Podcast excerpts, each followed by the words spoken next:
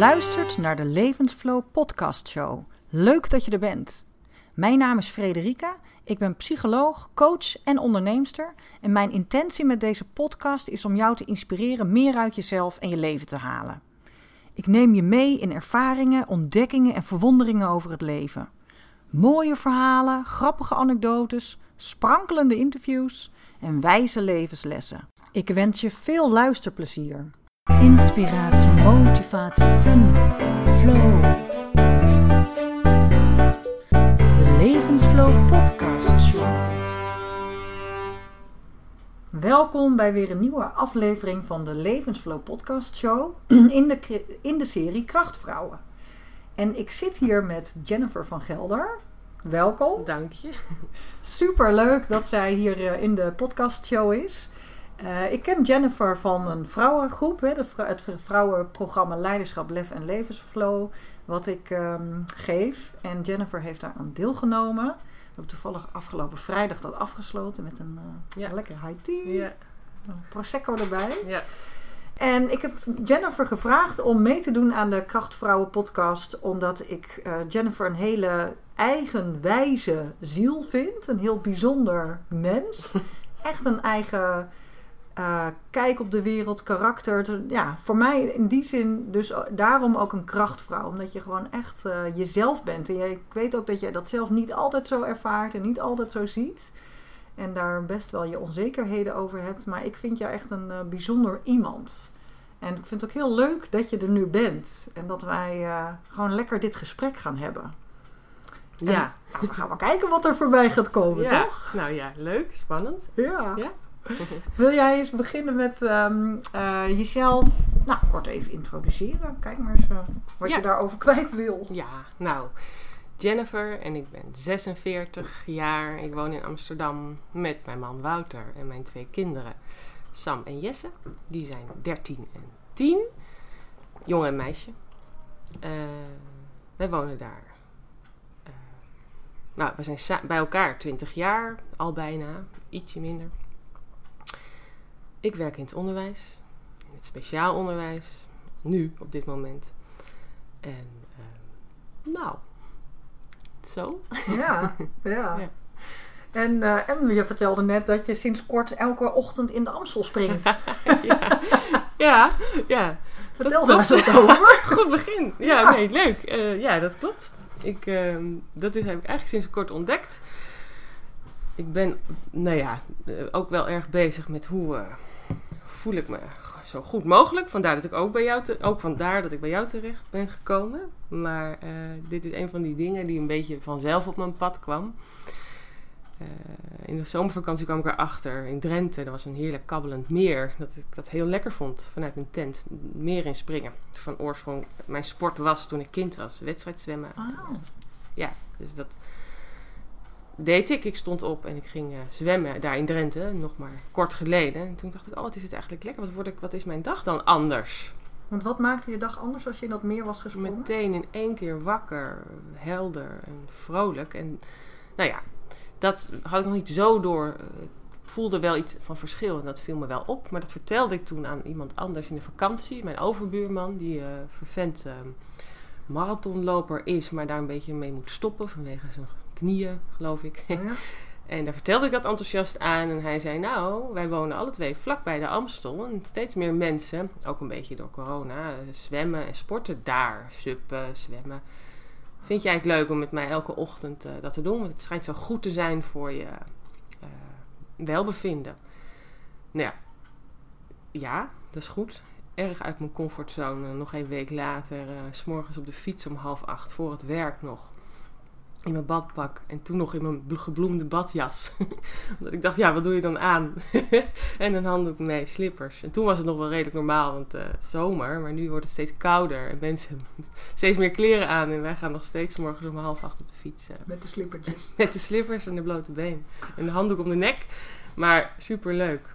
Ja. Uh, en dan springen we erin en dan merk ik gewoon, ik ben in één keer aan. Ja? En, Voel je dat helemaal tintelen ja, door je hele lijf? En dat tintelt na en ik ben Is het ook echt een duik erin of ga je zo langzaam, stap je erin? Of is het echt Ja, in nou- één keer door? Vaak in één keer door, maar het is ook een beetje zoeken naar wat is echt goed voor je. Gewoon letterlijk. Dus moet je niet eerst even je polsen en je, Ja. en je enkels erin doen. En eh, dat proberen we een beetje uit. En hij leest er dan wat meer over. Over men- mensen die ook echt ijs gaan zwemmen. Dat, Ja. dat wil ik dan misschien niet. Maar we willen wel zo lang mogelijk door. Maar goed, bij mij, het was ook een toevallig ding. Omdat ik wel echt dacht, ja, het opstaan is voor mij wel een ding. Als ik 's morgens wakker word, word ik niet... Dat is eenmaal een patroontje geworden. Blij wakker, dat is iets. Ik weet niet waarom, maar... En daar moet ik echt over doen. Ik ben niet zagrijnig, maar een beetje somberachtig voel ik me in mijn hoofd. Maar dit was wel echt een oplossing, min of meer ook. Dus dat was heel toevallig. eh. En nu wil ik het alleen nog maar met hem doen en niet alleen. Het voelt heel erg uit mijn comfortzone, maar laatst kwam hij niet opdagen. En toen dacht ik, ik spring er toch in. Want dan heb ik mijn neiging om weer terug te gaan. Ik denk, ja, laat maar dan. Zo in mijn eentje daar in die Amstel. Maar ja, dus het wordt steeds meer iets van mezelf ook. Ja. Way of life. Had ik niet verwacht. Ja, heel lekker. Ja, leuk. een Aanrader. Je- Aanrader. Een koude douche kan ook. Is Ja. makkelijker. Kost minder tijd. Maar dat doe ik dus niet. Ja. Dit wel. Ja. Ja, en toch, want ik doe dat wel inderdaad, die koude douche. Ik begin wel warm, maar ik douche altijd koud af. Ehm, maar ik heb toch het idee dat als je echt, want dan, dan heb je natuurlijk die straal is niet altijd overal tegelijk. Ja, dus klopt. Dat. En zo'n duik in het water is wel echt Ja. nog veel heftiger. En ik zei ook tegen hem, dat is ook apart, dat op Texel waar wij veel komen, dan loop ik die zee in en dan, oh, en dan, dan gaat het heel langzaam voordat ik eens die zee echt induik. En daar duik ik zo die Amstel in. Dus dat is natuurlijk heel apart. Ja. Je denkt gewoon te veel na dan. En je lichaam is natuurlijk ook half warm, half koud. Als je die zee inloopt en daar duik je er in één keer in en dan is het, Kan je niet meer terug. kan je niet meer terug, klaar. ja, Even, even rustig ademen, doorzwemmen en dan voel je de kou wel, maar heel een tijdje later, of vrij kort later, niet meer. En dan heb je zoveel profijt van. Ga je het in de winter ook nog doen, We gaan je? zien hoe lang we dit volhouden. Ja. Het lijkt me ook bijvoorbeeld raar als het 's morgens donker is. Dat is het nu nog niet om half acht. Ho- Hoe ik dan weer voel van, oh, Oh, ga ik ja. mijn lampje die Amstel in. Hoe is dat weer, weet je? ja. Nu was het mistig, dat was ook alweer anders. Mooi, of niet? Maar je springt dus meteen zo dat brede stuk van die Amstel. En je ziet de Stopera rechts en links het Berlagenbrug. Ja, het is natuurlijk wel een heel gaaf begin van de dag. En hij kijkt ook beter dan ik. Hij zegt, kijk nou die, die lucht, weet je wel. Dan- Of kijk die zwanen. En dat-. Je ziet ineens, dan ben je de dag nog niet eens begonnen. Het is Ja. gewoon heel anders dan dat je 's morgens een beetje door je huis sloft. Ja, Ja, geweldig. dat is Ja. echt heel tof. En ik vond mijn buurt altijd een beetje eh, saaiig. Dat is dat rivierenbuurt waar ik woon. Ik had zin in de stad, wat dynamischer. Maar nu begin ik dan toch daardoor. Dat is bij mij om de hoek. Waarom heb ik dat niet eerder gezien? Het is gewoon hartstikke gaaf. Ik heb een zwembad om de hoek. Ik zag dat niet, weet je. Dat Ja. is er eigenlijk gewoon. Mooi. Dus dan ga ik dat weer anders bekijken. Ja, Ja, leuk hè? ja. Ja. In het nu en weer met een nieuwe blik naar je eigen buurt. dat. Die Ja. nieuwe blik, ja. Ja. Mhm. Hey, wij, eh, wij kennen elkaar nu bijna een jaar zo. Hè? Ik denk dat wij vorig jaar, eind 2019, elkaar voor het eerst eh, zagen voor een intakegesprek. Ja. Toen hadden wij, hè, toen heb ik het. Wat was eigenlijk voor jou toen destijds de reden om aan de bel te trekken bij mij? Ehm, ja, ik moet zeggen, ik ben altijd al, misschien wel vanaf kind al, bezig geweest met piekeren over mijzelf. Eh, en eh, een beetje ingewikkelde geschiedenis heb ik wel. Ehm, Wil je daar iets over kwijt? Of? ja, maar even, ja, wil ik zeker. Maar goed, daar ben ik wel zoals jongvolwassene bij een psycholoog voor geweest. En later nog eens een keer, toen ik dacht, nou nu is het wel weer eens tijd, want... eh, en dat heeft wel geholpen, maar nu ben ik 46, nou toen 45. En dacht ik, ja, maar nou ja, toen was het meer werkgerelateerd. Ik had heel erg het idee van, nu ben ik nog jong en energiek. Eh, ik, ik zou nog kunnen veranderen als ik wil. Het onderwijs is wel iets waar je, als je daar eenmaal in zit, dan kun je hè, voor de klas staan. Dan kun je niet heel veel meer dan intern begeleider worden. Of remedial teacher. Of nou ja, misschien Mm. directeur van een school. Maar dat trok me dan ook weer niet. Ik ben dan nu wel ook ambulant begeleider. Dus dan heb ik een iets vrijer beroep. Maar ik Ja. zocht toch ook iets meer de vrijheid. Want voor een klas staan is gewoon pittig. Je bent eh, van s morgens vroeg tot s avonds laat bezig. En nog niet eens klaar dan. Heerlijk met de kinderen. Maar ook gewoon weinig lucht.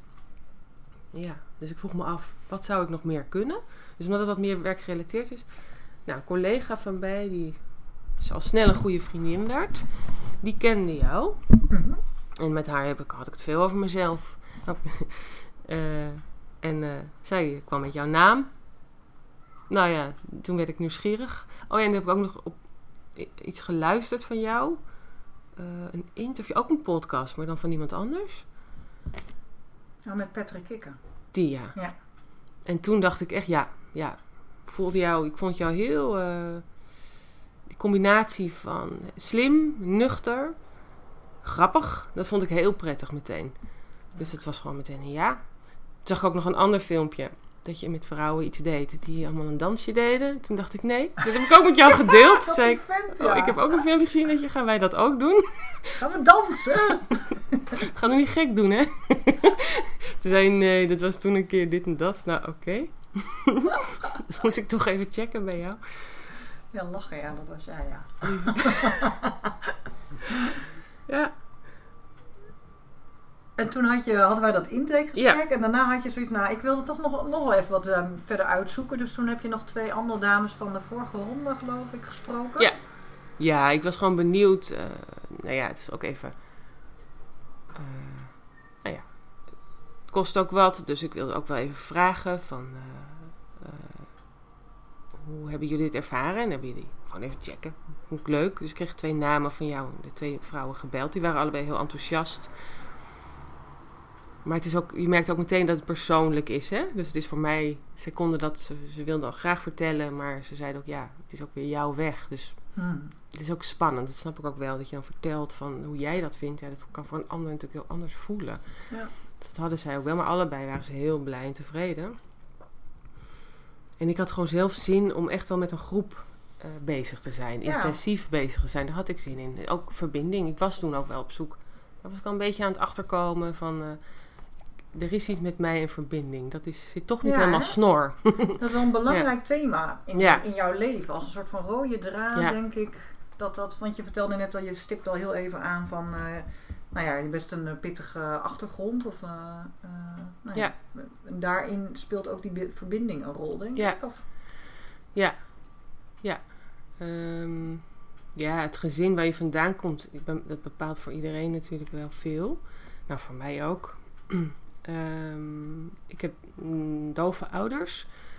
Dat hoeft op zich geen probleem te zijn. Alleen eh, dat speelde zo'n grote rol dat wij, mijn zus en ik, toch echt wel een beetje wegvielen. Want eh, dat was ook nog in de. We hebben nu andere tijden hoor. Zijn, we zijn veel verder in de tijd eh, voor mogelijkheden voor dove mensen. Maar ja, toen waren mijn ouders jong en kregen ons. Ehm, ja, dat draaide gewoon eigenlijk alles om. Eh, Hmm. ehm, en ze leunden zelfs ook wel op ons, terwijl we Ja, zelf nog heel klein waren. Nou, heel kort gezegd. eh, mm, voelde, voel ik me eigenlijk, heb ik moeite met me gegrond voelen van wie ben ik. En nou ja, verbinding was ook een lastige, want de communicatie eh, speelde echt een rol. Wij hadden echt wel situ- Nou, bij ons ging het aan tafel echt zo om even een voorbeeld te geven over verbinding gesproken. Mijn vader was gebarentaal afhankelijk. Mijn moeder niet, die was slechthorend, die sprak goed. maar die kon wel... Ja, ja. Ja. Eh, wij Je vader sprak überhaupt niet? wel, ik kon hem goed verstaan, zelfs door de telefoon, maar een Oh ja. vreemde zou hem niet kunnen verstaan. Want Ja. zijn stem is gewoon niet duidelijk.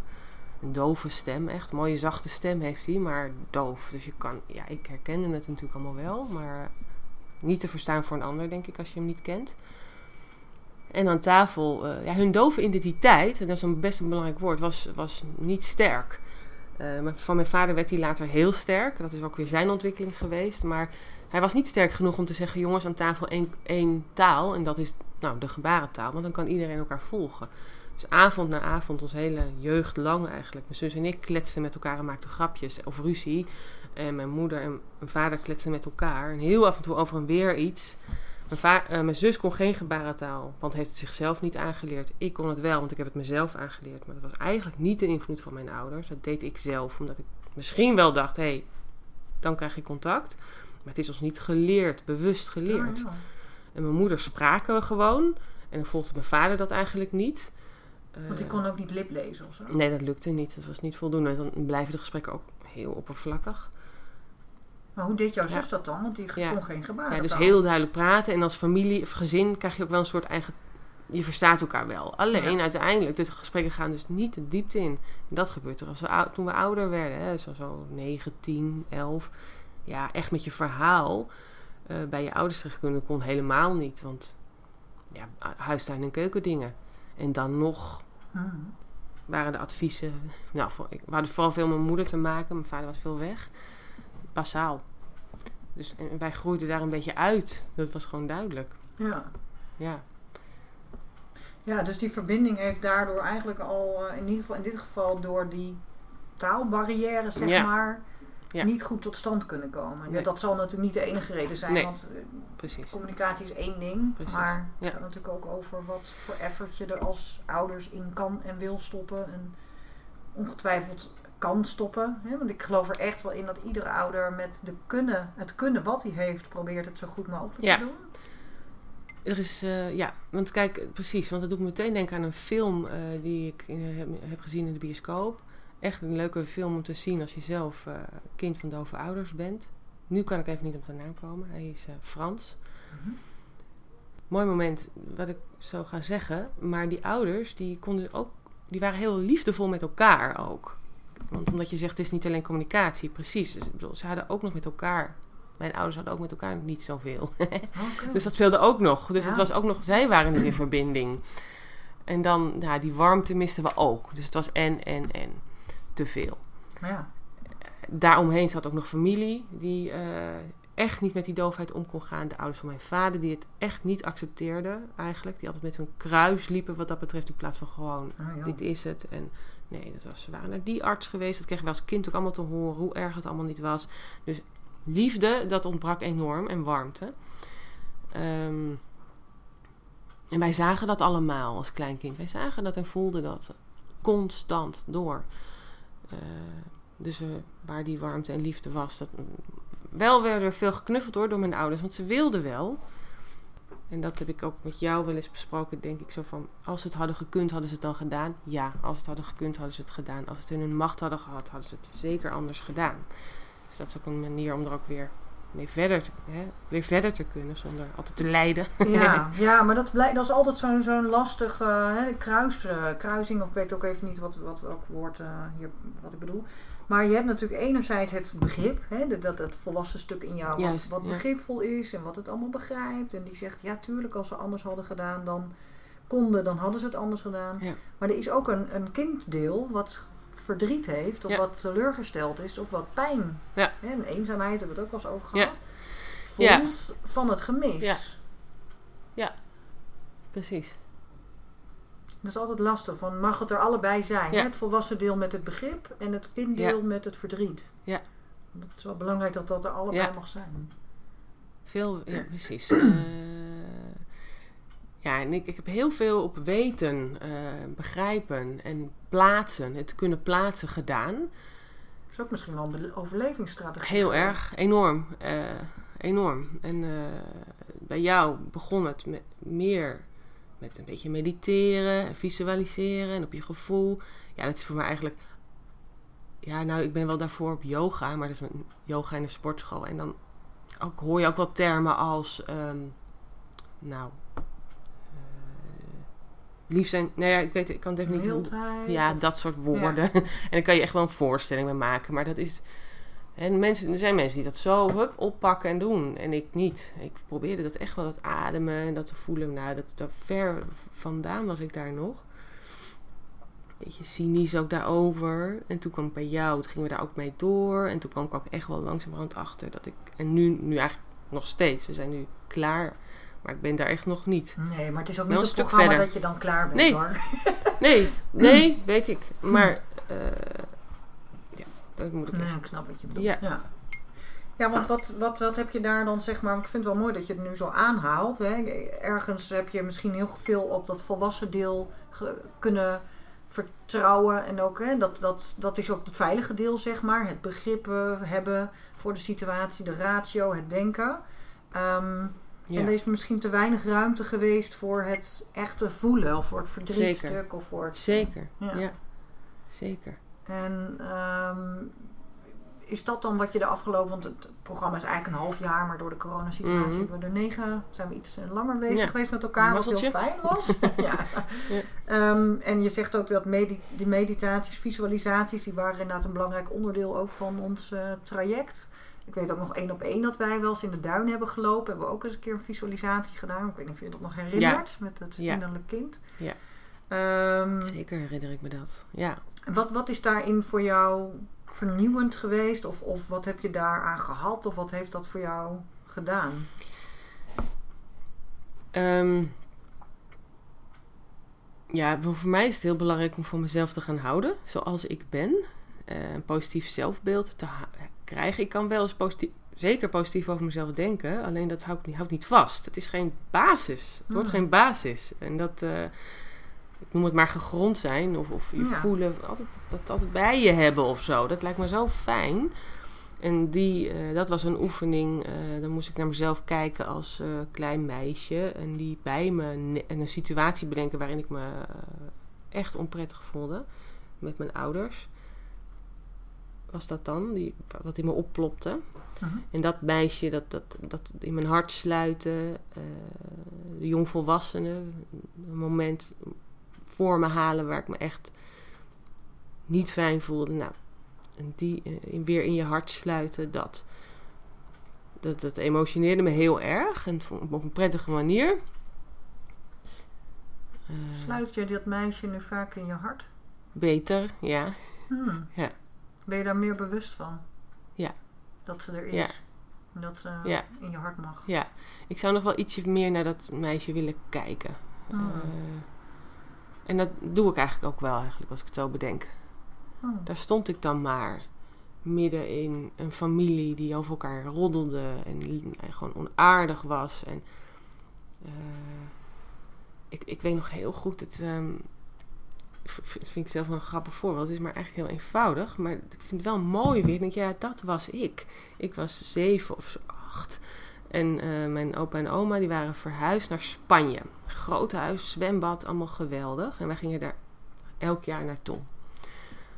Ouders van mijn vader. Het was er eigenlijk nooit leuk. Terwijl ik dat zeg, voel ik me meteen schuldig, want alles was er. Lekker eten, een lekker zwembad, heerlijk weer, een mooi huis. We hadden een eigen kamer. Alle uiterlijkheden klopten. Ja, maar de sfeer was verschrikkelijk eigenlijk. Koud en onaardig. En eh, mijn opa en oma hadden het gevoel dat ze hun best deden. Maar dat, ja... Mijn ouders, die, eh, dus er was heel veel spanning. Eh, mijn moeder werd niet serieus genomen. Zij werd, mijn moeder werd daar ook zenuwachtiger en zenuwachtiger van. Dat voelde zij natuurlijk. En ja, dus kreeg ze, kreeg ze nog gelijk ook, mijn opa en oma. Weet je wel, ja, Hmm. nou, zo'n sfeer. We waren die avond lekker uit eten geweest. Tenminste, en mijn oma houdt van, hield van mooie kleren. En eh, mijn zus past zich altijd een beetje aan aan. Die zag ook altijd mooi uit. En ik was altijd een beetje een jongensachtig kind. Ook een uiterlijk. En toen zaten we, eh, reden terug met twee auto's. Mijn opa en oma reden. En wij zaten bij mijn opa en oma in de auto. En ehm, mijn oma zei... eh, mijn ouders reden dus ook in hun eigen auto mee. En nou, ik heb waarschijnlijk al heel veel spanning gevoeld eh, toen we daar waren. En toen zei mijn oma, zo, nu zijn we lekker thuis. We reden zo die oprijlaan op. Dan gaan we lekker eh, thee zetten, ik zeg maar wat. Of lekker dit. En toen zei ik heel hard, gadverdamme. Echt uit mijn tenen. Nou, mijn opa die eh, draaide zich om en die zei van, ben jij helemaal gek geworden? Ga naar je kamer. En dat weet ik nog heel goed. En ik had geen idee waarom ik dat zei toen. En pas laatst dacht ik, ik weet het. Er zat natuurlijk een gevoel onder. Dit is allemaal fake en het, hier is helemaal niets Ja. leuks. Jullie zijn hartstikke onaardig, lalala. Dus jij probeerde En die nu- fake bubbel door te prikken als het ware. Uit mijn tenen dacht ik, ja, dit, wat zit je nou te, te doen hier? Weet je, Ja. dat. Dat is zo oprecht eigenlijk. Maar ik voelde me natuurlijk zo slecht. Ook omdat ik dat zei en ik wist zelf niet waarom. En mijn ouders begrepen alweer niet wat er aan de hand was. Wat was er gebeurd? Die hebben natuurlijk weer gemist. en ja, dus eh, eigenlijk wel. eigenlijk wel een echt gevoel wat daaronder zat Ja. bij mij. Ja, alleen dat werd op dat moment eh, kreeg een oorvijg. Ja, uiteraard. Ja. Ja, dus dan ga je daar, daar voel je, hè, als je het dan hebt over die eenzaamheid, dan voel je daar natuurlijk op dat moment ook heel eenzaam in. Ja. Want je, en, want, en, en je kunt het waarschijnlijk niet bevatten, want ergens denk je ook nogal, oh, ik heb het verkeerd gedaan. ja, tuurlijk. Ondankbaar. Wat Ja, is dit? Ja, slecht. ondankbaar, Ja. slecht. Terwijl het eigenlijk een heel puur gevoel was en heel erg kloppend. ja. Ja, Want heb jij dat denk je in de, in de loop van je leven ook wel geleerd om gevoelens meer te onderdrukken? zeker. Ja. Het is ook wel grappig, want het, als we het hebben over deze podcast, heb ik het ook vaak over de mannelijke kanten, de vrouwelijke kanten, de vrouwelijke waarden, mannelijke waarden. Maar ook eh, het eh, vrouwelijke is vaak ook wel het, het, of het eh, intuïtieve, het aanvoelen. Ja. Maar dat leren we als mensen heel vaak heel jong al af. Ja. Omdat er, en ik wil niet zeggen dat daar een schuldvraag ligt van, wat, hè, maar we- Nee. we zijn als, als mens, eh, zeker in het Westen, best wel gewend geraakt aan het mannelijke stuk, zeg maar. Van de ratio. Hè, doe maar normaal, doe je al gek genoeg. Dat is dan ook alweer heel erg cultureel eh, Nederlands. Maar ehm, het zijn, het voelen, het eh, ruimte maken voor het innerlijke kind. Of nou ja, dat zijn allemaal een beetje, wordt ook allemaal een beetje als soft en zweverig gezien. Ja. Maar dat, ehm, nou ja, goed, bestempel het als vrouwelijk. Ik weet niet of we per se die stempel moeten hebben. Maar dat zijn wel onderdelen die, Ja. doordat we er weinig ruimte hebben voor, voor hebben gemaakt in ons Ja. leven, omdat dat niet zo normaal was, Ja. lopen wel heel veel mensen laat, op latere leeftijd vast. Mhm. En dat is dan denk ik ook wat jij hiermee beschrijft. Ja. Ik weet het niet als je dat zegt. ja, Dat herken ik wel heel erg in, in je verhaal. En ja, eh, bij ons. ehm, eigenlijk is mijn vader heel intuïtief. En dat is ook een zesde Mm. of zevende zintuig natuurlijk. Want hij heeft zijn oren niet meer. Dus hij ongelooflijk, met heel veel bewondering kijk ik ook naar hem. Omdat hij zoveel aanvoelt. Ehm, het is nog iets anders over hoe hij in het leven staat. Dat is super negatief en heel. eh, Hmm. ja. Maar hij voelt wel heel veel dingen. En dan denk ik, hoe kan dat? Weet je, je hebt de taal niet, je, je, je, je, volgt het vaak ook niet, maar je ziet wel heel veel. En daarna, daarbij voel je heel veel en daar vertrouw jij ook op. Dus hij kan het Ah. wel, alleen ik heb dat niet overgenomen. Nee, maar het lijkt wel alsof er een ander deel bij hem nog zo sterk is, wat hij dan weer vanuit zijn opvoeding wellicht meegekregen heeft. Veel Hmm. slachtoffer eh, Hmm. ook. Hij voelt zich heel erg, heel erg ja, Hmm. Slachtoffer. Ja, vind, zo noem ik het dan maar. Het is misschien niet heel mooi gezegd. Het kan va- vast genuanceerder. Maar ja, bij alles wat. eh, er is heel veel gaat. eh, kan niet, eh, is niet fijn. Of nee, dat kan niet, want. Het is veel dat. En dan zeg ik, ja, maar het kan toch ook zus of zo. Of je kan het ook zo zien. Dan zie je hem echt nadenken en dan zoeken naar waardoor dat toch niet kan. Nou ja, nou, dan ben ik echt wel leeg aan het eind van zo'n avond. Dan ben ik niet dan daar ben je heel hard aan het werken. ben ik, ben- ja, als ik niet uitkijk, werk ik hard. Dat doe ik niet meer, maar inspirerend is het niet. Ah. Terwijl het een hele inspirerende man is. Dus die kracht heeft hij heel erg. Eh, Hij is hartstikke handig. Hij heeft hele gebouwen eh, verbouwd. Eh, helemaal zelf, van top tot teen. Zonder eh, te- daarvoor te leren bijvoorbeeld. Maar echt ingewikkelde dingen kan die daar. Eh, ja, eh, heeft theater gedaan, eh gebarentheater, prachtige Hmm. dingen gedaan op het podium. Echt heel trots ben ik daarop. Hm. Mooie man om te zien ook. En, ja, maar ja, bij hem zit er nog steeds wel een verhaal van. eh, eh, ik, heb pech, wel- ik heb pech in het leven, ja. Ja. ja. Nou ja, het is ook wel sneu eigenlijk hè, Ja. om dat te zien. Ja. ja. En geniet niet van zijn dochters, niet voldoende. Dat weet, hij weet niet hoe, dat, hoe hij dat moet doen. Hmm. Dus, ja, was zijn kleinkinderen? Nee. Ik kan ook toch. Zou het graag mooier willen zeggen dan het is, maar ik zeg nee, daar geniet hij niet van. Hmm. Want hij weet niet hoe. En het, dat heeft ook, ook, niet alleen maar, met, dat zeggen ze wel, mijn ouders, met communicatie te maken. Maar dat is het niet, zeker Nee. niet alleen maar. Het is ook weten hoe je je moet verbinden. Ja. En als jij niet kan communiceren, dan kun je ook iets anders doen. Namelijk zorgen dat het wel gebeurt. En zeker als ze zo klein, toen ze zo klein waren. Nou, neem ze mee naar Artis en je, ze hebben een leuke tijd met je. Als Hmm. jij aandacht geeft, dat vinden ze heerlijk. Dat is gewoon opa. Ja, die is doof, maar wij hebben ons taaltje wel. Weet je, al doe je het zo. Maar zij zocht er zelf tot nu, nu toe nog heel erg naar hoe doe je dat? En ja, maar jij gebaart ook niet, zegt ze dan tegen mij als moeder van de kinderen. Terwijl ik moet hun dan uitleggen, ja nee, het is natuurlijker als jullie het sowieso doen. en dan haken we aan. Dan gaan we met z'n allen gebaren, maar vooral mijn moeder dan nu even. Mhm. Als jij ook niet gebaart, dan hebben de kinderen zoiets van, ja, Mhm. Waarom zou ik gebaren? Jij doet het ook niet. Het, is, Ja, het is niet natuurlijk in de communicatie. Dus ze zullen dat niet zomaar gaan doen natuurlijk. Daar moet je zelf wat voor doen. Dus kortom, uit die slachtofferrol stappen. Het is weer even te plat gezegd hoor. Maar toch, eh, en wat kan ik doen om jou te helpen, horende? In Hmm. plaats van altijd maar te denken dat wij, wij het moeten doen en boos te zijn omdat wij het niet goed doen, wij horende. Ja, maar jij kan ons ook over die streep heen trekken. Dat is net even iets anders dan eh, een andere kijk eigenlijk met omgaan. Mhm. Het is toch, toch een beetje boos op de horende wereld. Dat is die Ja, generatie misschien nog een beetje. Ja. Ja, dat heeft ons wel belemmerd in het contact. Ja. Dus er is geen leuke opa, kleinkinderen of o- ja, oma wel. Die is wat meer. Die komt dan oppassen en spelletjes doen. Maar je merkt ook bij haar dat de communicatie. De kinderen kunnen eigenlijk hun verhaal niet meer kwijt. Die worden ouder. De verhalen worden complexer. Dus mijn moeder volgt het niet meer. Hey, En over dat verbinden, hè? want je eh, hebt volgens mij daar zelf ook wel een onzekerheid over, of over Ja.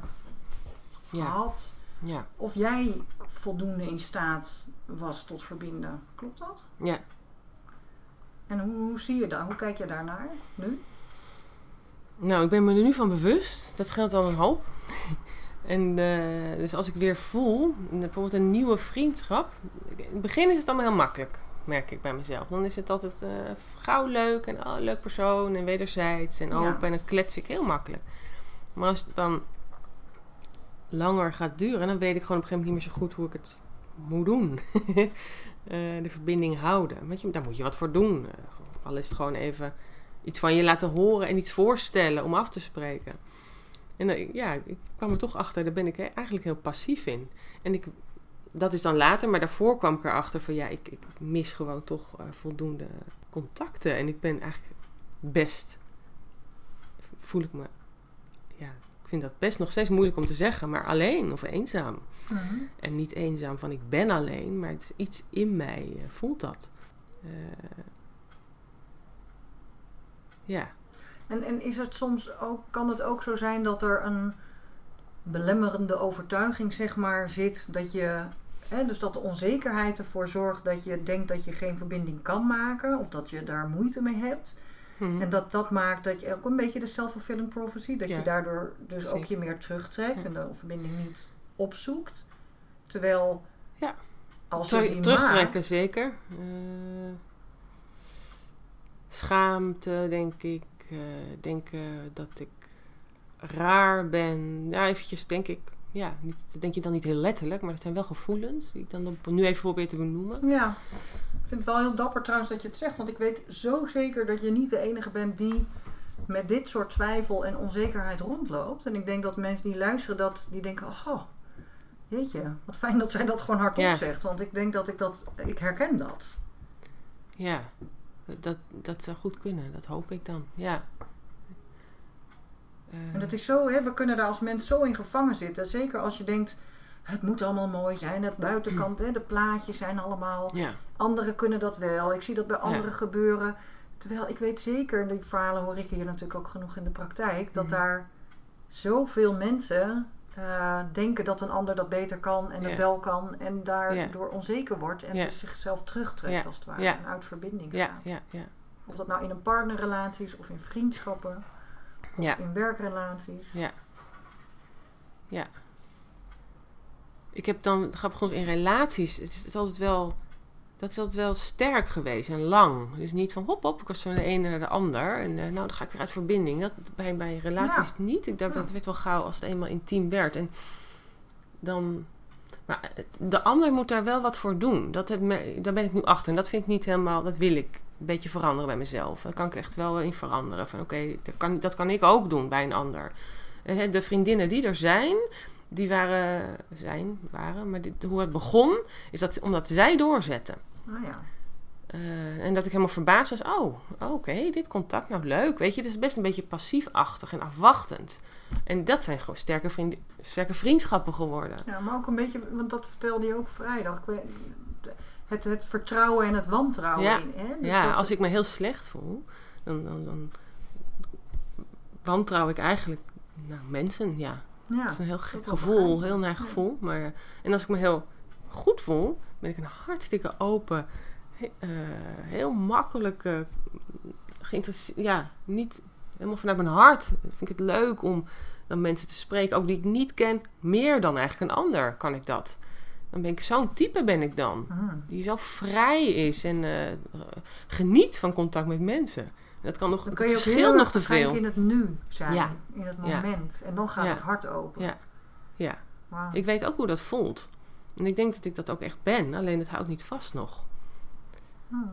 Weet je wel wat daar al meer voor helpt, bij je helpt, bij jou? Om, om ehm, bij dat vertrouwen te blijven. Vertrouwen in, in jezelf, in het leven, in de ander.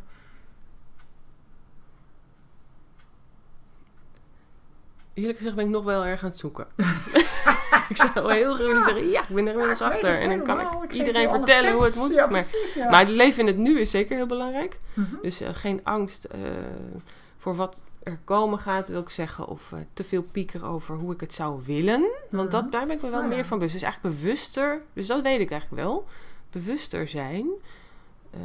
van, oh ja, nu ben ik echt wel bezig met hoe ik vind dat het zou moeten zijn. Nou, zo is het niet. Dus ehm, ja, Uit het verhaal stappen zou erg moeten veel. zijn.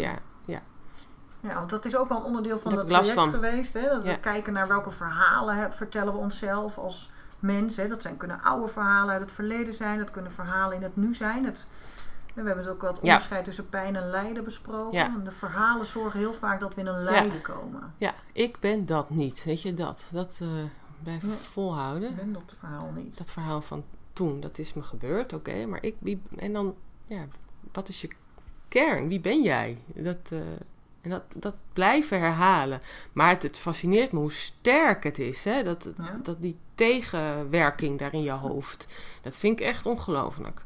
Ja. ja, daar hebben we het ook al eerder over gehad, over dat hoofd. Hè? Want, Ja. want dat hoofd zorgt inderdaad voor dat je toch weer in die verhalen terechtkomt. En dat je toch weer eh, blijft herhalen eigenlijk. Waarvan je ergens ook Ja. weet van, ja, dit helpt Ja. me niet. Ja, Maar probeer er maar eens echt van eh, bewust uit te stappen. Ja. Dat, is een hard, dat is een harde training. Om maar het is zeggen. echt... Iets afleren is... eh, dat afleren is heel moeilijk. Is er ook een school voor afleren? Ja, Stond in dat leuke boek wat jij ja, gaf. heel, ja. Ja, fantastisch. Ja.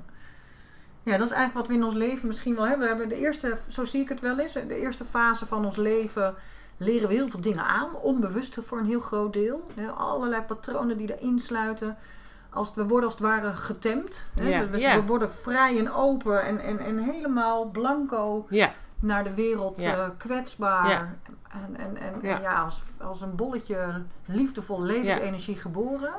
En dan komen er allerlei door regeltjes, door opvoeding, door eh, de maatschappij, door school. Worden er allerlei laagjes omheen gebouwd. Waardoor we. Heel, en dat noemen we dan leren. Hè, maar we leren eigenlijk onze kern steeds meer ja, Nou, nou precies ja, dat. te beschermen, in te dammen. En op een gegeven moment kom je dan vaak, nou ja, dat, is dus, dat kan voor bij de een op zijn twintigste zijn, de ander op zijn dertigste, op zijn veertigste, op zijn vijftigste.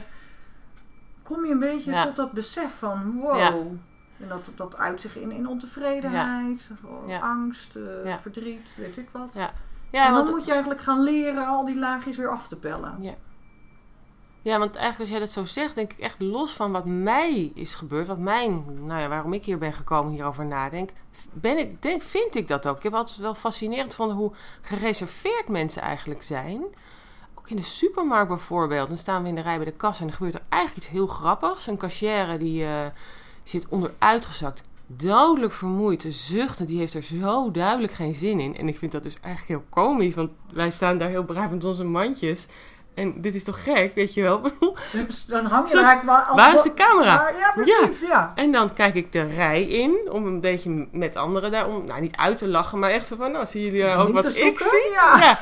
Nee, iedereen kijkt star voor zich uit en is zo met zichzelf bezig. En dat, oké, dan denk ik, oh, ik ben weer, Alsof een soort Truman Show, alsof we gevangen zitten in dat, dat, dat nou, ja. band het Vaak, leven. dat, of dit hoe- heb ik dus echt best wel vaak. En dat vind ik ergens ook leuk aan mezelf. Echt leuk. Ja, Maar ik voel me wel alleen. En, eh, je voelt je soms een beetje zo anders dan. Ja. ik weet nu van het is eigenlijk leuk, weet je wel. Want kom op. eh, je hebt ook een beetje mensen die met een, met een zwerver of zo, die dan in zichzelf praten op straat. Nou, oké, maar je hebt ook mensen nou, die komen wat meer biertjes halen op een gek tijdstip 's morgens. Maar die zijn dan heel los. Die, die zeggen, hé hey, meid. En dan, dat vind ik eigenlijk heerlijk. Ja. denk ik, ja, jullie zeggen ook gewoon precies wat je ziet. En soms ook iets heel grappigs. En inderdaad, het is recht voor zijn raad. Maar het is inderdaad heel grappig dat jij dit nu zegt, zeg maar. En ik vind dat, ben daar niet bang voor. Dat vind ik ook wel leuk. Ik, vind, ik klets ook wel even terug. Ik bedoel, op een gegeven moment is het wel klaar. Maar je ziet iedereen wegduiken. Ja. En dat soort dingen. Maar we hebben zo bedacht, ik heb het wel eens over het het zo hoort het systeem, daar heb ik het vaker over. We hebben zo op de een of andere manier bedacht hoe het zou moeten. En alles wat daar dan, zoals zo'n zwerver, die past dan niet in dat zo hoort het systeem, dus die is raar. Ja.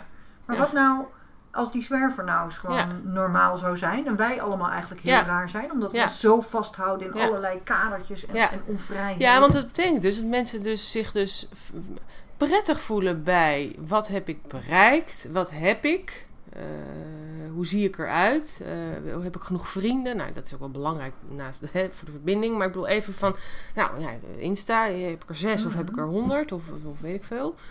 En daardoor voel ik me dus goed. En dat, ik, ik heb ook echt wel eens om me heen gekeken naar mensen die dat allemaal wel bereikt hebben. En met jaloezie, moet ik eerlijk bekennen. En daar werd ik ook weer ongelukkig van. Maar ik kan daar dus wel op deze manier wat beter over nadenken. Ja, dit is allemaal maar uiterlijk. En allemaal maar wat jij dan toevallig, nou, en ook door jezelf, hartstikke goed voor elkaar gekregen. Maar straks, die zwerver, bedoel, straks liggen we allemaal in onze kist, weet je wel. Dus Ja. dan zijn we weer allemaal gelijk. Ehm, Ja, net als bij, bij die geboorte we ook allemaal eh, ja, gelijk zijn. Ja. Is dit ook, is dit ook die, die andere waarde van vrijheid die hier in dit verhaal eigenlijk doorheen zijpelt? Van, ah, vrijheid om gewoon te zijn wie je bent en niet zo mee te draaien in een systeem zoals we dat misschien bedoelen. ja, absoluut. Ik, kom, ik, ik vind regels ook heel moeilijk om me aan te houden. Echt heel moeilijk. Maar het moet. Er zijn er zoveel. Ja. Ik ik bedoel, schiet weer een supermarktvoorbeeld. Eh, het is heel raar wat ik nu met die supermarkt steeds heb. Ja? Maar eh, was, ja, het is ook wel, ik snap het ook wel. Even los van corona, want het was nog voor corona. Maar er stond drie kassa's en dan kom je binnen. En ik moest alleen maar eventjes een puzzelboekje kopen voor mijn zieke zoon. En eh, die liggen daar om de hoek bij die kassa links. Nou, dan kan je de hele supermarkt doorgaan. Maar ja, ik bedoel, ik kon ook heel makkelijk even zo het hoekje om. En het was allemaal heel prima. En die mensen stonden, ik ging helemaal niet iets geks of lak langs iemand heen. Maar twee mensen die riepen me na van, hey, hallo. eh, zo moet je, nou ja. En dan, Ja. ja. dan voel ik me weer zo'n kind. Ik denk, oh, ik ben volwassen, dit kan niet meer. Maar ik vind het ook heel onlogisch. Ik denk, nou, stel je niet aan. Het zijn allemaal gevoelens, allemaal Het gedachten zijn bedoel ik. ook regeltjes inderdaad. hè, Oh jee, ik hou me weer niet aan de regels. Och, en dan, ja, dat. Ja. En dat is wel grappig, want ik leer juist inderdaad in mijn trajecten mensen te hè, bewust te worden van hun eigen regels en die dan te gaan doorbreken. Omdat we onszelf als mens, hè, bedoel, tuurlijk, het is belangrijk dat we als maatschappij regels hebben en, en afspraken, omdat het anders ook wel gewoon een bende wordt. Maar als Ja. mensen hebben we ook zoveel regels die we onszelf Ja. opleggen. Maar ik merk, mijn, mijn grootste eh, gevoel is mijn verbazing over die mensen die dan dat zo blijkbaar belangrijk vinden. Ik kan dat maar niet, ook al ben ik al zes, ik kan maar niet leren dat dat eenmaal, dat zit gewoon zo niet in mij. Dat mensen zich daar dus druk om maken. Ja. Dat ze het zien, oké, en dat ze misschien denken niet handig, oké, maar dat ze helemaal de moeite nemen om daar ook eh, zich druk om te maken, dat begrijp ik echt niet. Ik vind het zo, ja. Nou dat. Ja. En dat, ja, er zijn veel regels. Ja. Hey, nog eventjes terugkomend op, op ons, ehm, eh, onze negen maanden, noem ik het dan maar even. Want eh, ons halfjaarprogramma.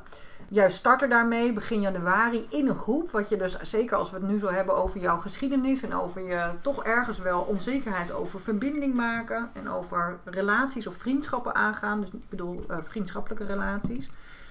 Is het best wel dapper dat jij zegt, nou, want ik weet nog wel dat jij ook wel zin had in een groep. Dat, Ja. hè, dus, zo zijn er ook een aantal vrouwen die het best spannend vinden om in een groep te gaan. En die doen vanuit eh, mijn advies, of bijvoorbeeld eh, gaan ze dat toch doen, omdat ze juist daar iets in te leren hebben. Maar ik weet van jou nog, van, je had ook echt zin wel in een groep. Ja. Ehm, wat natuurlijk gezien dit verhaal wat je me nu vertelt over de verbinding best ook wel weer bijzonder is. Ja.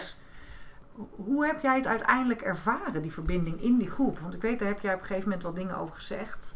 Ehm, ik ben heel benieuwd hoe jij dat Ja, nou, waarom ik koos voor de groep eh, is inderdaad omdat ik met verbinding aan de slag wilde, maar ook omdat ik in mijn leven al wel heb ervaren dat als je bijvoorbeeld op kamp gaat met een groep of en dat dus je bent langere tijd samen, dat het heel, een heel bijzonder gevoel geeft.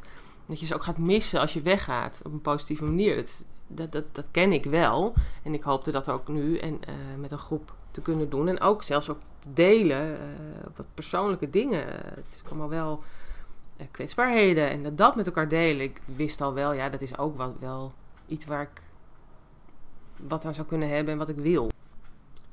Maar ook daar, dat was een soort kleine eh, spiegel, een spiegel voor mij ook meteen. Want eh, ik kijk dan ehm, in het begin naar een groep vrouwen die, nou ja, allemaal gelukkig allemaal verschillende banen hebben, eh, maar ook wel wat bereikt qua functie.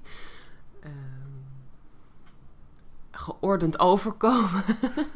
Eh, ehm, ja, maar eh, niet hele gekke levens. Het klinkt een beetje raar, maar eh, iedereen heeft wel een man en kinderen zo ongeveer. Heb ik het goed? Volgens mij wel. Hadden we dat allemaal. Ja. Ehm, dus niet, iets, niet iets verrassends. En ik hou daar natuurlijk wel van. Het is eventjes niet aardig, niet, maar ik bedoel... ja. En Dat was je eerste indruk. dat was mijn eerste indruk, inderdaad. Eh, ik eh, voel me dan meteen al anders.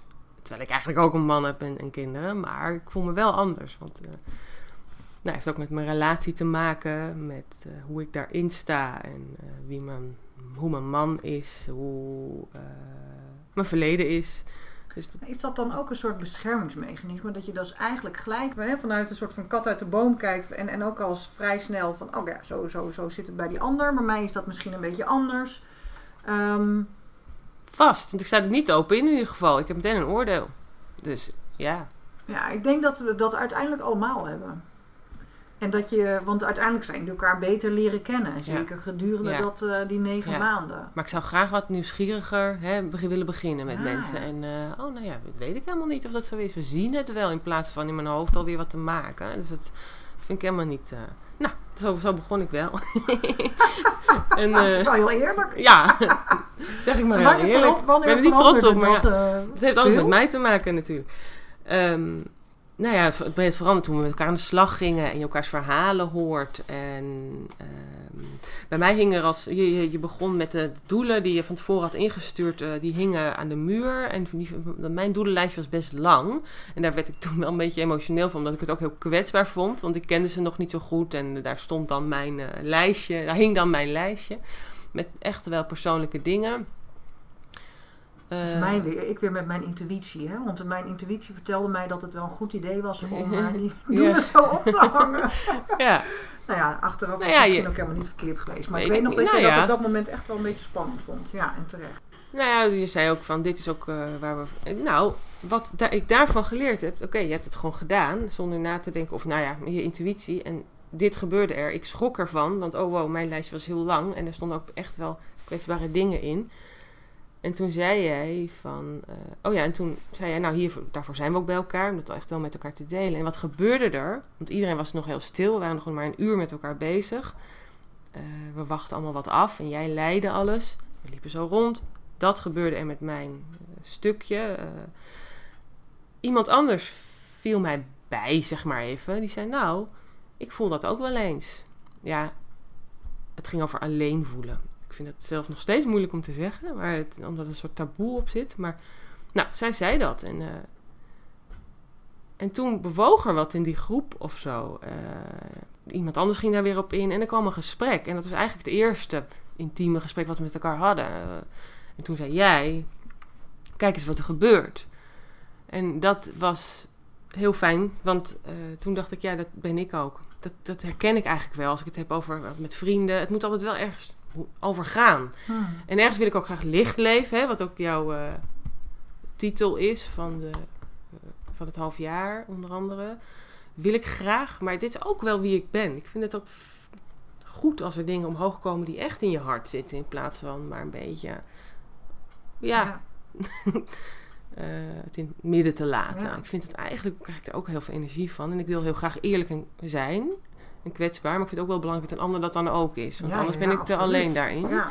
En Nee, en dat is ook weer mijn taak Ik- natuurlijk om daar dan eh, Ja. om dat goed in dus baan ik te hou houden. heel erg van eerlijke gesprekken. Ik vind dat ge- eigenlijk zo tof Hmm. ehm, en fijn. Ehm, nou ja, dus het is ook heel goed dat jij dat ook even benoemde. Van kijk, wat er hier gebeurt. We komen, wat zei je nou? Dit, dit, Jij geeft anderen eigenlijk hiermee ook toestemming ook om eh, dit stuk in zichzelf te zien. Ja. Zoiets was het denk ik. Ja. ja. En dan ben ik me Dat Soms geeft daarmee iets. Ja, dat benoemde je. En doordat jij, dat jij het benoemde, kon ik het plaatsen. Kon ik het ook echt eigen maken. Dus blijkbaar heb je het dan, dan toch nodig. Dat, dat, dat iemand van een afstand ook naar kijkt en daar ook wat van zegt. En eh, ja, heel tof. En nou ja, later, later heb ik het ook nog eens benoemd. eh, Toen we al een paar keer verder waren met elkaar. Van ja, ik, eh, ik dacht echt dat jullie zo naar mij keken. En dat anderen zoiets hadden van, hè? Heb jij die onzekerheden? Als ik naar jou kijk, dus met andere woorden, anderen kijken zo niet. Dat denk ik dan maar. En, eh, dat is zonde, want het belemmert enorm om Ja. jezelf te zijn. En wat ik ook nog eh, kan herinneren is dat jij op een gegeven moment, het was eh, volgens mij na die trainingsdag waarbij we de open vraag inbrachten allemaal, dat hier bij Hof 20. Ja, En dat we gewoon intuïtief aan de slag gingen met al die vragen, waarvan iedereen aan het eind ook zei van wauw, wat was dat een mooie dag. was een hele mooie dag. En ik dacht dat jij op die dag ook zei van... Ik vind het zo bijzonder om in deze groep te zijn. En als ik later dan ooit in mijn leven nog eens in een groep kom... Ja. waar ik me niet zo lekker voel... dan Ja. denk ik terug aan deze groep... en dan weet ik dat het wel Ja. kan, die Ja. verbinding.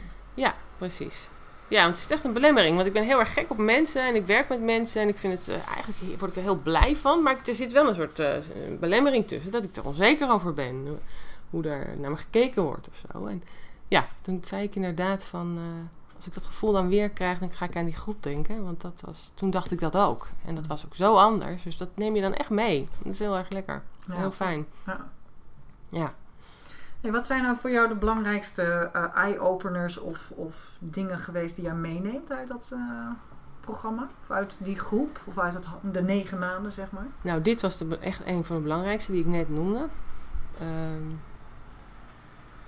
dus iedereen heeft zijn eigen verhaal en eh, daar hoor ik ook gewoon bij. En, eh, Ja, ehm, nou ja, en, en dat mijn belangrijke waarden verbinden, verbinding zijn, maar ook vrijheid. ja, Die kwamen er gewoon uit. ja.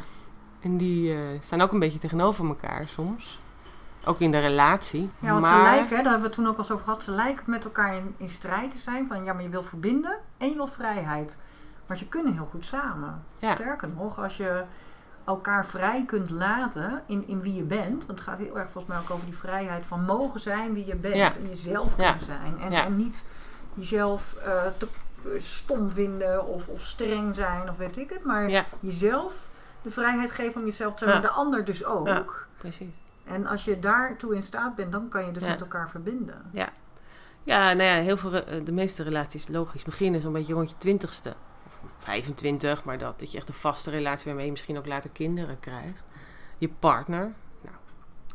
Maar dan ben je daar vaak nog helemaal niet. Nee. Eh, zeker ik niet. Ik deed er al helemaal wat langer over. Als je een hele sterke basis hebt, dan weet je zo weet je wel wie je bent. En dan ga je studeren en dan kom je in een groep. eh, en dan weet je ook, heb je daar weer spiegels van. En zo leer je jezelf kennen. Maar als je dat- zo'n pad niet hebt bewandeld, dan moet je dat...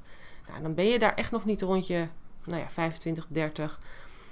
Eh, en sowieso hoor, geldt denk ik dat voor, dat denk ik voor heel veel mensen. En dan begin je met je partner en dan pas je je toch aan aan hoe je denkt dat het fijn is samen. Je vindt iemand geweldig, dus je gaat daar het beste van maken. En nou ja, ik ben echt gaandeweg achtergekomen. Nou ja, dan hebben we het over 15, 18 jaar later. Van nou ja, maar word ik hier wel zo blij van? En ik gun mezelf daar nu eens wel even goed over na te gaan denken. Hey, wat, ik, wat ik ook vaak zie in, in de vrouwen die in, de, in het halfjaarprogramma meedoen, is dat ze soms binnenkomen, en dat had je ook een beetje op het werkvlak volgens mij, met een vraag op een heel specifiek werk, of, eh, levensgebied. Hè? Dus eh, relatie of, Mhm. of eh, hobby. Eh, of, nou, of in ieder geval denkende dat de oplossing of de, de ontwikkeling zit in het antwoord krijgen op, op je vraag over werk bijvoorbeeld, of over je relatie of over eh, tijd voor jezelf. En dat de, de ontwikkeling vaak in iets heel anders zit. ja, Ehm, en daar hebben we het vrijdag ook met elkaar wel weer over gehad. Want er waren meerdere mensen die zeiden... ja, ik, sta en dan hadden we zo'n levensflowchart die in het begin was ingevuld en aan het eind. En dan kijken welke verschillen er in de cijfers zaten op die verschillende levensgebieden. En als je dan vroeg van ja, waar zit hem dat, dat dan in? Dan was het heel vaak op het gebied van, nou ja, eh, mindset, maar ook vertrouwen in jezelf. En ehm, meer met meer rust in het leven Ja. staan. En meer kunnen loslaten van verhalen. Weer dat hoofd, hè? Ja. Er was niet eens echt veel veranderd bij mij in mijn leven, behalve mijn mindset. En de, de, het was allemaal stukken positiever. De cijfers waren veel hoger op die verschillende gebieden. Maar er is eh, in mijn levens... eh, Het is niet dat je een andere baan hebt of een nieuwe partner of Nee. weet ik wat allemaal. nee. Dus dat was heel grappig. Het is echt een- hoe je er dan naar kijkt en hoe je erin staat. Echt een andere blik. Ja, ongelooflijk. Hmm. Ja, Is dat waardevol voor je? heel waardevol. Ja. Zeker, want dat kun je overal gebruiken. Ook op je werk. En dan kom je vanzelf wel weer tot de goede keuzes, denk ik. Ja, dat neemt een hoop angst weg ook. En zoveel is gebaseerd op angst. Ja. Dingen die je niet doet, of eh, laat, of eh, Ja. Uitstelt. Ja. Ja, vrijheid, verbinding, de belangrijkste waarden die naar voren kwamen. Je mindset die eh, veranderd is. Een mildere kijk misschien ook wel naar jezelf, denk ik. ja, maar vooral, ja, en vervolgens dus naar anderen. En die is natuurlijk ja. belangrijk. Ja, Ja, wat, vertel daar eens wat over, die mildere kijk naar anderen.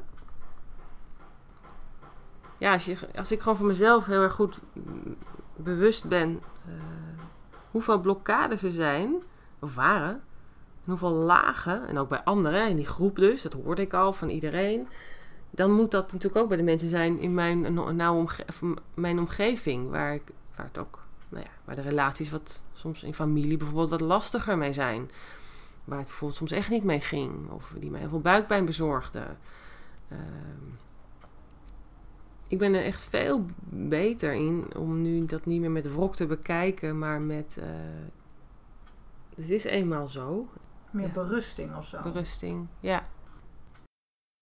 Je gaf net aan van dat wat bij jou een hele belangrijke eye-opener was, wat je geleerd hebt, is die mildheid, waarmee je meer mildheid naar jezelf, hè, en, en maar daarmee ook mildheid naar anderen. Ehm, jij werkt in het onderwijs, een speciaal onderwijs. Is dat iets waarvan je denkt dat is ook belangrijk om in het onderwijs meer ruimte te geven? Of, of dat we daar als Ja. onderwijsinstellingen Ja. meer mee zouden moeten? ja, nou, we hebben wel dingen in de groep gedaan waarvan ik echt dacht: dit, dit moet, moet je ook in de groep doen in de klas. En natuurlijk op een ander level. Maar wel, hoe, hoe wij moeten dit nu allemaal op deze leeftijd gewoon bij jou nou, leren. we, krijgen de kans en dat, dat, dat doen we nu. Maar hoe mooi zou het zijn als dat geïntegreerd zit in het onderwijs? En er zijn ook scholen die ermee bezig zijn hoor. Die zijn, hebben dat al bedacht. Het is niet zo dat ik dit voor het eerst bedenk. Oh zeker. Alleen bepaalde scholen met een bepaalde visie. En daar kom je dan als ouder op om je kind daar op te zetten. Hè. Die denken daar, maar het moet gewoon op elke school. Dat je standaard onderdeel standaard, niks te onderwijsprogramma. speciale school en eh, bepaalde ouders die daarheen gaan. Dat is gewoon een mast naast het rekenen, lezen en taal dat je over jezelf en elkaar nadenkt. Eh, en het is nu nog te leerkrachtafhankelijk. Eh er zit een leerkracht die, daar, die daar heel goed in zijn, die doen dat. En het gaat lekker vanzelf. Ik, ben er ook een van die het heerlijk vindt om met de kinderen te praten over elkaar en over de relaties onderling. En gevoel. En er zijn methodes voor eh, die ervoor zorgen dat je het moet doen. Ehm, maar echt de dag beginnen met bepaalde oefeningen bijvoorbeeld. Of ehm, je kwetsbaar durven opstellen. En daardoor empathie ontwikkelen. Nou ja, als je dat bij kinderen eh, aan kan leren. Zo belangrijk. Kwetsbaar mogen zijn, ja. Daar word je dus sterker van. In plaats van kwetsbaarder. Dat is natuurlijk Ja. Ehm, en ook voor het leren. Ik denk dat je dan ook het, het leerrendement omhoog haalt. Als je lekker in je vel zit. Ook allemaal open deur, is ook allemaal al gezegd. Maar het is makkelijker gezegd dan dat het echt Toch is gebeurt. het goed dat het nog een keer weer gezegd wordt. Want als we het niet blijven zeggen, dan eh, gaat het misschien ook niet gebeuren. Ja. Dus hoe vaker het gezegd Ja. wordt, hoe meer die noodzaak. Ja. Wordt wel heel vaak gezegd, nou, oudergesprek, ja, kinderen moeten lekker in hun vel zitten. Dan gaan ze leren. Ja, maar hoe doe je dat dan? Hoe creëer jij zo'n sfeer in de klas? En dan heb ik het niet over een antipest. eh, natuurlijk, weet je, dat is zeker waar. Daar moet, maar dan ben je eigenlijk al te laat. ook, Precies, inderdaad. Uitgaande van dat dat er niet is, dat het op zich gewoon allemaal oké is qua sfeer op school, toch nog die extra aandacht voor zelfontwikkeling. Het scheelt een hoop. En Ja. ook eh, doorzetten. En hoe doe je dat eigenlijk? En eh, wat, voor, wat, voor, wat voor stemmetjes krijg jij dan? Weet je, als je niet doorzet. Dat is allemaal leren. Als met studeren en op de middelbare school. Als je dat al een beetje hebt besproken. be- daar be- nou, bewust van bent. Ja. Maar als je dat thuis helemaal niet meekrijgt. Dan is daar die, de veiligheid van een groep. Als je dat, als je zo je basisschool uit kan stappen. Ja, super belangrijk. Maar dat had de school, de basisschool had daar best een stuk. eh, als ik daar een veilige plek had gevoeld. Zoals nu, wat ik net zei over die groep bij jou. Dat neem ik nu mee. Had ik altijd dat als basis kunnen hebben. Maar daar heb ik een leuke tijd gehad. Daar zagen ze wie ik was. Die neem ik maar mooi mee. Kost niks. Hmm. Dus, eh, ja. Heb je het idee dat je doordat jij, ehm, en dat is natuurlijk niet heel altijd even leuk of prettig, maar doordat jij dit nu op jouw manier ervaren hebt in jouw leven, dat dat wel een stimulans is om het anders te doen in je eigen klas? Zeker. Dat is echt. Want ik wilde bij jou ook gaan beginnen. Omdat ik dacht, nou, misschien moet ik wel heel iets cools gaan doen. Een eh, eigen bedrijf. Of eh, ik, kan, ik kan toch meer dan. Ik ben ook een beetje in het onderwijs gerold. Maar eigenlijk kom ik ook achter dat die verbinding die mij zoveel flow geeft. Dat ik het, lesgeven. Het zal wel rekenen en taal. Het is dat het moet. Maar het allerleukste is dat ik voor zo'n groep sta. En ik voel dat de kinderen om elkaar gaan geven. Als er iets gebeurd is. En ik bespreek dat met ze op een bepaalde manier. En je, ja, het is gewoon niet uit te leggen, maar het is een ge- gevoel. Je voelt dat gewoon gebeuren in zo'n groep. En eh, je voelt liefde of zo. Ja, da- dat ik dat zeg, maar het is wel zo. Ja, echt. Dat is zo'n gaaf gevoel. Liefde voor elkaar in zo'n klas. En dat, Maar dit is ook wel echt, want ik weet inderdaad nog dat je met dat vraagstuk over werk binnenkwam. Maar dit vertelde je mij inderdaad vorige week ook tijdens onze 1 op 1 sessie in de Duinen. ja, Dat dit, dit is ook echt iets wat, wat je bent gaan omarmen Ja. en gaan zien. Ja. Hè? Ja. En Ja. waardoor jouw lol in het werk ook weer zoveel beter is, groter is geworden. Ja. En ehm, misschien kan ik het wel meenemen wat ik eerst als een soort gekte van mezelf zag. Nu als een kracht. Dat, je ook met allemaal verschillende ouders te maken. Met allemaal verschillende achtergronden. En die zien jou toch als een soort drempel, hè, de leerkracht. En ik vind het echt heel leuk om die dichterbij, die, die, die drempel lager te maken. Van, eh, eh, ja, we werken wel samen. Dus en, zij zien mij als heel ver weg. Zeker wat andere culturen hebben dat wat sterker de juf is daar en wij hier. Maar het samenwerken, dat vind ik wel echt belangrijk met ouders. Dat helpt het kind natuurlijk stukken beter. Ja. Dat vind ik ook wel leuk. Mooi. Ja, super. Ja, dus eigenlijk hè, door eh, eh, een, een zware start, zeg maar, die uiteindelijk nu kunt inzetten, omdat je daardoor ook echt je gevoeligheid veel sterker ontwikkeld hebt. Ja. Om iets te. Je zet echt iets neer hiermee. In, Ja. Op kleine schaal kun jij jouw bijdrage leveren die zo essentieel is. Die, misschien niet, die je misschien niet had kunnen leveren als je die geschiedenis niet had gehad. Ja. Ja. En je kunt het nu voor de goede zaak Ja. inzetten. Ja. Ja. We is zouden serieus nog uren door kunnen gaan. ja. We gaan hem nu toch afronden. Ik vond het super leuk om, eh, om zo met je in gesprek te gaan. Hoe vond jij het zelf? leuk. Ik eh, dacht, ik zie wel wat er komt. Ik wist helemaal niet wat jij met mij eh, als krachtvrouw zou kunnen bespreken. Ik weet natuurlijk dat je een positief hè, naar me kijkt en en dat je me krachtig vindt. Alleen eh, Waar zou geen stoere stap hebben? gezet voor mijn gevoel. Dat zei ik al tegen je. Wat, waar moeten we het eigenlijk over hebben? Maar, eh, dus dacht ik, ik zie het wel. En eh, zo is het ook gegaan. Dus ik vond het echt leuk. Ja. Van de sprong in de Amstel Ja. naar verandering in het onderwijs. Ja, ja. Waarbij vrijheid en verbinding eh, Ja, als en een rode draad zelfkennis. door Ja. het geheel loopt. Mooi. ja. Ik ga hem even afronden. Yes. Nou, super leuk dat je weer hebt geluisterd naar een Krachtvrouwen aflevering. Als je dat nou leuk vond, geef het even een like. En ik hoor je heel graag weer bij een volgende aflevering van de podcastserie Krachtvrouwen. Ik wens je een hele fijne dag.